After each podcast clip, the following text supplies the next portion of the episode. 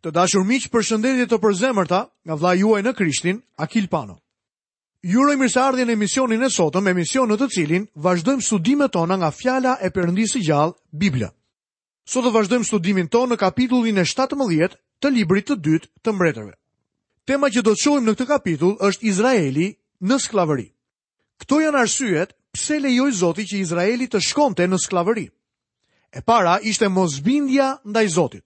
Vargu i 13 na thotë: Megjithatë Zoti e kishte paralajmëruar Izraelin dhe Judën me anë të të gjithë profetëve dhe të shikuesve, duke thënë: Kthehuni prapa nga rrugët tuaja të këqija dhe respektoni urdhërimet dhe statutet e mia, Sipas tërë ligjit, që u caktova etërve tuaj dhe që ju dërgova me anë të shërbëtorëve të mi, profetëve.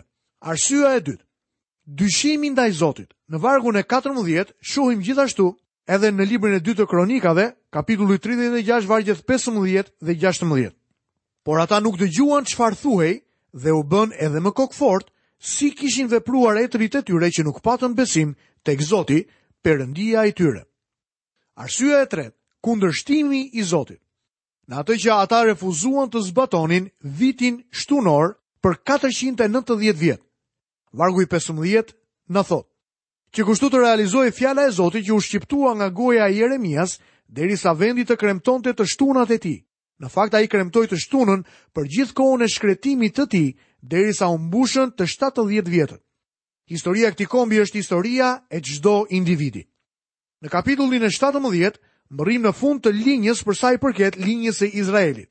Dhjetë fiset e veriut kanë rënë në skllavërinë e Asirisë. Do të lexojmë në vargun e parë dhe të dytë në kapitullin e 17 në librin e dytë të mbretërve. Në vitin e 12 të Ashazit, mbretit të Judës, Hosea, biri i Elahut, filloi të mbretërojë mbi Izraelin dhe e mbajti fronin 9 vjet. Ai bëri atë që ishte e keqe në sytë e Zotit, por jo si mbretërit e Izraelit që qenë para tij. Ai nuk ishte aq i keq sa Ashabi dhe Jezebeli dhe jo aq i keq sa Ashaziahu, por sërish bëri atë që ishte e keqe në sytë e Zotit. Lexojmë nga vargu i tretë deri në vargun e pestë. Shalmaneseri, mbreti i Asirisë, doli kundër tij. Hosea u bë kështu shërbëtori i tij dhe i paguante një haraç. Por mbreti i Asirisë zbuloi një komplot te Hosea, sepse ky kishte dërguar lajmëtarë te So, mbreti i Egjiptit, dhe nuk i sillte më haraçin mbretit të Asirisë, siç bënte zakonisht çdo vit. Prandaj mbreti i Asirisë e futi në burg dhe e mbante të lidhur. Pastaj mbreti i Asirisë pushtoi tërë vendin, doli kundër Samarisë dhe e rrethoi gjatë tre vjetëve. Këtu prezantohemi me Shalmaneserin, mbretin e Asirisë. Ai pushtoi mbretërinë e veriut dhe kërkoi taksa prej tyre.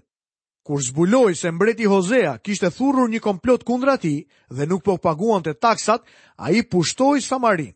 Samaria ishte qyteti që kishte ndërtuar Omri, babai i Ashabit. Ashabi ndërtoi një pallat atje. Ai ishte një nga vendet më të bukura në atë vend. Tani mbreti i Asirisë e pushton. Lexojmë më poshtë vargun e 6. Në vitin e nëntë të Hozeas, mbreti i Asirisë pushtoi Samarinë.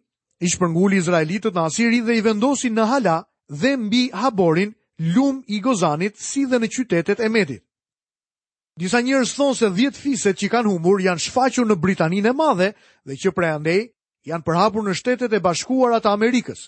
Kjo është një histori e bukur që i shërben krenarisë së shumë njerëzve të cilët u pëlqen të besojnë se janë anëtarë të fiseve të humbura të Izraelit, por ideja e fiseve të humbura është krejtësisht e trilluar prej njeriut.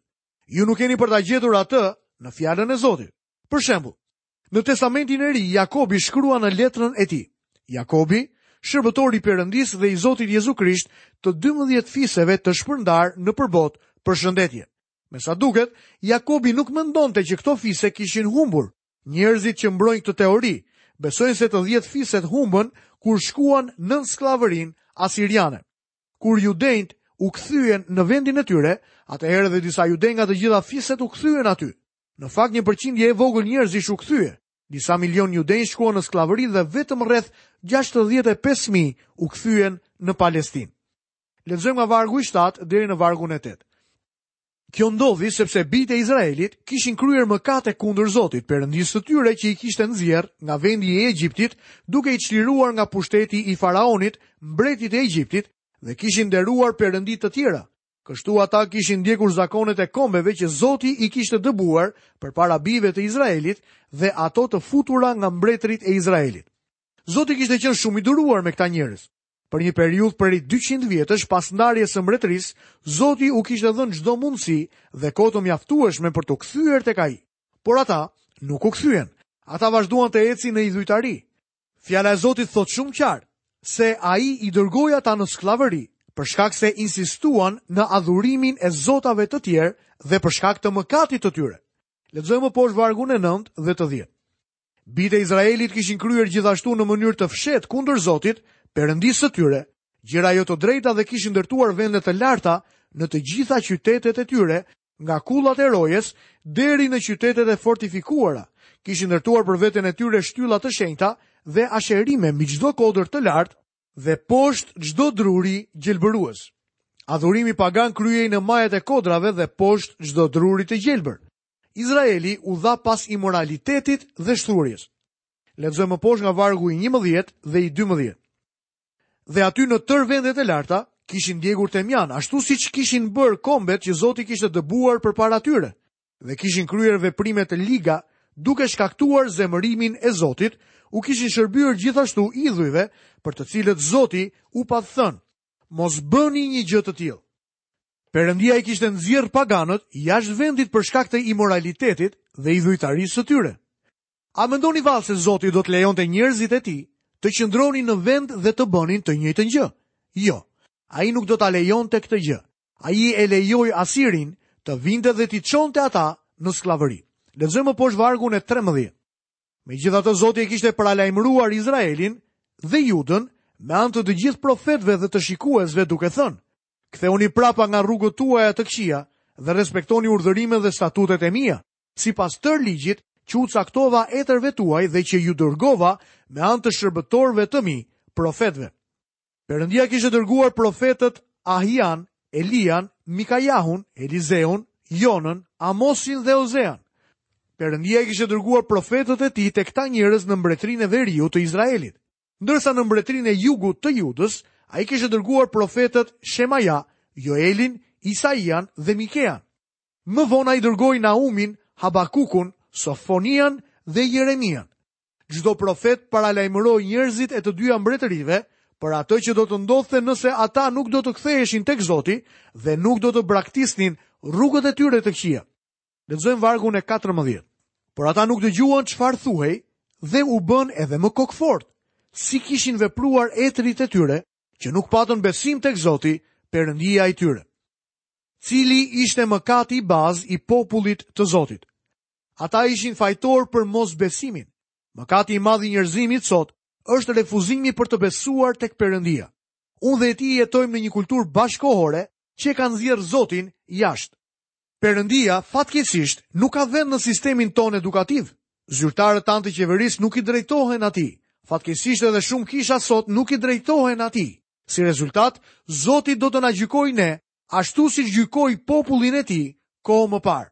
Lexojmë në vargun e 15. Dhe hodhën poshtë statutet dhe besëlidhjen që ai kishte lidhur me etërit e tyre dhe paralajmërimet që u kishte dhënë. Prandaj ndoqën gjëra të kota, duke u bërë ata vetë mendje lehtë dhe shkuan pas kombeve që i rrethonin, që Zoti i kishte ndaluar t'i imitonin. Mbretëria e Veriut kishte rënë në skllavëri, po për sa i përket Mbretërisë së Jugut. Lexojmë poshtë vargun e 19. As Juda nuk i respektoi urdhërimet e Zotit, Perëndisë së tij, por ndoqi zakonet e futura nga Izraeli. Juda nuk mësoi nga pësimi i Izraelit. Lexojmë vargu 20 dhe 21. Prandaj Zoti hodhi poshtë tërë fisin e Izraelit, i poshtëroi dhe i braktisi në duart e cubave, derisa i përzuri nga prania e tij.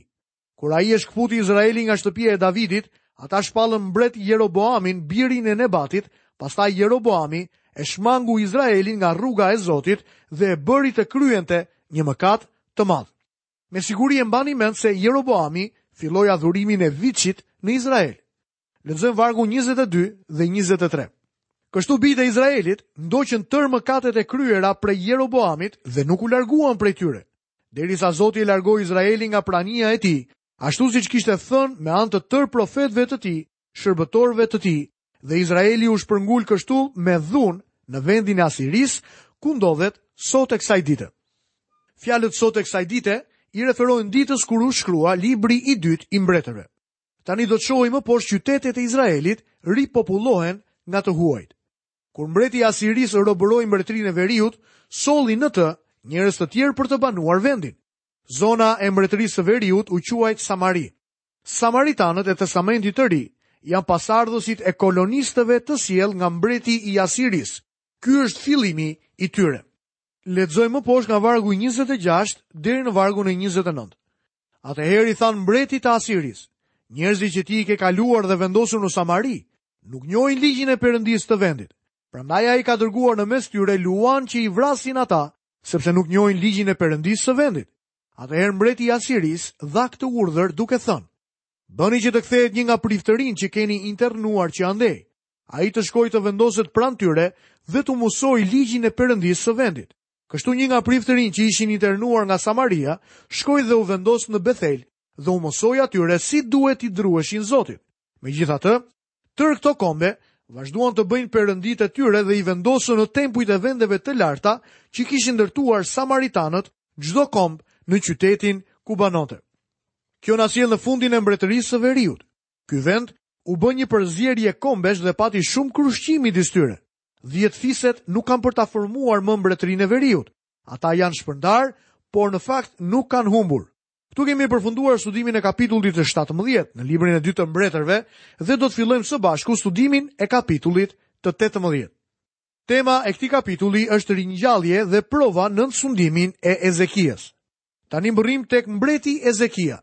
Kjo pjesë është aq e rëndësishme sa që është regjistruar jo vetëm këtu tek libri i dytë i mbretërve, por edhe tek libri i dytë i kronikave dhe në pjesën historike të profecisë së Isaias.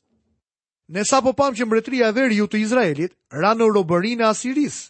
Perëndia dha tre arsye sepse ndodhi e gjitha kjo. Izraeli nuk iu bind Perëndisë. Ata dyshuan tek Zoti dhe e kundërshtuan atë hapur. Gjatë së njëjtës periudhe, mbretëria e Izraelit ra në robërinë e Asirisë. Perëndia dha tre arsye sepse ndodhi e gjitha kjo. Izraeli nuk iu bind Perëndisë, ata dyshuan tek Zoti dhe e kundërshtuan atë hapur. Gjatë së njëjtës periudhe, mbretëria e jugut e Judës kishte një mbret shumë të mirë. Duke filluar që nga ky moment, ne do të ndjekim historinë e mbretërisë së jugut, meqenëse mbretëria e veriut doli nga skema. Arsyeja pse Zoti nuk e dërgoi edhe Judën në robëri, ishte, sepse gjatë kësaj kohe Juda kishte disa mbretër të mirë, që ishin përgjegjës për kohën e ringjalljes. Ezekia ishte njëri prej tyre, në fakt, ai ishte i vetmi mbret i mirë që mbretëroi në vend pas Davidit. Lexojmë nga kapitulli tetëmbëdhjetë në librin e dytë të Mbretërve, nga vargu i parë deri në vargun e tretë. Në vitin e tretë të Hozeas, birit të Elahut, mbreti i Izraelit, filloi të mbretërojë Ezekia, biri i Ashazit, mbreti i Judës. Ishte 25 vjeç kur filloi të mbretërojë dhe mbretëroi 29 vjet në Jeruzalem. E ëma quhej Abi, ishte bijë e Zakarias. Ai bëri atë që ishte e drejtë në sytë e Zotit, sipas tërë atyre që kishte bërë Davidi, ati i tij. Ashazi babai i Ezekias kishte qenë një njeri i lig, por gjithsesi, pati një djalë të mrekullueshëm. Kjo na bën të besojmë se nëna e Ezekias duhet të ketë qenë një nënë e mirë dhe një grua e perëndishme. Lexojmë në vargun e katërt dhe do të shohim ringjalljen e Judës gjatë kohës së Ezekias. I hoqi nga vendi vendet e larta, bëri copë-copë shtyllat e shenjta, rrëzoi Asherahun dhe bëri copë-copë gjarprin prej bronzi që e pat bërë Moisiu, sepse deri në atë kohë bijtë e Izraelit i kishin ofruar temjan dhe e quajti Nehushtan. Ezekia ishte një njeri i mrekullueshëm. Ai drejtoi njerëzit e tij në një ringjallje dhe kjo gjë me përpjekjen për largimin e idhytarisë nga vendi. Ky varg përmend gjarprin prej bronzi që kishte bërë Moisiu në shkretëtirë. Çfarë i kishte ndodhur atij gjarpri që kishte bërë Moisiu? Ai ishte ruajtur. Sigurisht që kishte qenë një përkujtesë e jashtëzakonshme dhe prandaj ishte ruajtur në tempull. Por erdhi dita kur bijtë e Izraelit filluan ta adhuronin. Në vend që të shihnin tek ai me besim si etërit e tyre kur u kafshuan nga gjarpërinjtë helmues, si gjykim i Zotit për rebelimin e tyre, ata filluan ta adhuronin. Tani ai u kthye në një gur pengese. Ata e kishin harruar kuptimin e tij. Ai gjarpër i referohej Krishtit, sipas Gjonit kapitulli 3, vargu 14 dhe 15 që thotë: Dhe ashtu siç Moisiu e ngriti lart gjarprin në shkretëtirë, Kështu duhet të ngrihet lart Biri i njeriut që kushdo që beson në të, të mos humbasë, por të ketë jetë të përjetshme. Gjarpri prej bronzi ishte një simbol që u përmbush nga Krishti. Këta njerëz i kishin kthyer gjërat mbrapsht dhe kishin filluar të adhuronin gjarprin në vend të Zotit. Ndërkohë që studioja shtatë kishat e Azisë së Vogël, vura re se në qytetin e Pergamos, saktësisht Pergamun, adhurohej gjarpri. Duket sikur bijtë e Izraelit po bënin të njëjtën gjë. Ata i afronin temjan gjarprit të bronztë dhe e quajtën Nehushtan. Ezekia e bëri atë gjarpër copë-copë. Kishte ardhur koha për t'u çliruar prej tij. Këtu jepet një mësim i madh shpirtëror për ne. Në të shkuarën Zoti ka përdorur disa organizata apo lëvizje apo metoda të caktuara. Fatkeqësisht, njerëzit nuk e morën vesh që Zoti nuk i përdorte më ato dhe refuzuan t'i shërbenin. Unë mund të përmend mjaft organizata që besoj se Zoti i ngriti dhe shërbyen me një qëllim të madh, por më në fund ato u shpërndanë. Ato vazhduan të funksiononin vetëm për të siguruar punë për punonjësit e tyre. Ato u bënë Nehushtan. Ato u bënë si gjarpri i bronztë që një herë e një kohë i shërbeu një qëllimi dhe u përdor fuqishëm nga Zoti. Por erdhi dita kur Zoti nuk kishte më punë, nuk kishte më nevojë për të. Kam qenë në kisha ku njerëzit përdorin të njëjtat metoda për vite të tëra. Ata thonë, ne kemi vepruar gjithmonë kështu. Ndoshta ka ardhur koha të ndryshojmë disa nga ato metoda, me Zotin nuk ka monotoni. A e dini që apostulli Pal nuk dha asnjëherë një ftesë për njerëzit që të dilnin përpara për të pranuar Krishtin. Duajt Mudi e filloi këtë praktikë. Tani shumica e ungjilltarëve mendojnë se duhet të bëjnë një ftesë për njerëzit që të dalin përpara. Në fakt, kam parë që kjo gjë është bërë si një gur pengese. Me sa duket Perëndia e drejtoi ungjilltarin Mudi ta bënte këtë gjë, por ndoshta mund të mos të të drejtojë ty. Kur isha pastor në një kishë në qytetin e Los Angelesit, vijon autori i këtij studimi, kishte shumë të konvertuar që i përgjigjeshin ftesës gjatë shërbesës të së dielës. Por të konvertuarit më të fortë ishin ata që ishin shpëtuar në studimet biblike të të enjteve, kur nuk jepej asnjë ftesë. Atëherë çfarë Zoti mund të bëjë me dikë tjetër, nuk mund ta bëjë me ty. Sepse ju me siguri do të filloni të adhuroni ngjashmërinë e gjarprit prej bronzi dhe do ta quani atë Nehushtan. Fola disi gjatë për këtë subjekt sepse mendoj se është i rëndësishëm. Lavdi Zotit që Hezekia e hoqi qafe gjarprin prej bronzi. Mendoj se shumë të ashtuquajtur shenjtorë e kanë kritikuar Ezekian. Ata me shumë mundësi kanë thënë, ai shkatërroi gjarprin tonë të mrekullueshëm të bronztë, por lavdi Zotit që ai e bëri atë copë-copë. Nëse keni idhuj të vegjël në kishën apo në jetën tuaj, ju sugjeroj të çliroheni menjëherë prej tyre. Ndoshta mund të jetë një metodë, ose një mënyrë e caktuar e të bërit të gjërave që ju duhet ta ndryshoni, por vëllezër, çlirohuni nga idhujt. Lexoj më poshtë vargun e 5 dhe të 6. Ai pati besim tek Perëndia, Perëndia i Izraelit, dhe mbas tij, midis tërë mbretërve të Judës, nuk pati asnjë si ai, as edhe midis atyre që kishin qenë para tij. Mbeti i lidhur me Zotin, nuk pushoi së ndjekuri gjurmët e tij, dhe respektoi urdhërimet që Zoti i kishte dhënë Moisiut. Nëse nuk ishte asnjë pas dhe para Ezekias që të mund të krahasohej me të, atëherë ne duhet të dalim në përfundimin se ai ishte i jashtëzakonshëm. Ai ishte në një rang me Davidin. Ai ishte mbreti i madh që u përdor fuqishëm nga Perëndia. Kjo është arsyeja pse jeta e tij na jepet në tri libra në Testamentin e Vjetër, në librin e dytë të Mbretërve, në librin e dytë të Kronikave dhe në librin e profetit Isaia. Të dashur miq, këtu kemi mbërritur në fundin e studimit të sotëm. Ju kujtoj që vazhdimin e studimit në kapitullin e 18 në librin e dytë të mbretërve, do ta vazhdojmë në emisionin e ardhshëm dhe do të shohim pushtimin e parë të Judës. Deri atëherë, nga vëllai juaj në Krishtin Akil Pano, paçi të gjitha bekimet e Perëndisë dhe paqen e tij në jetën tuaj, bashkë mirudëgjofshim në emisionin e ardhshëm.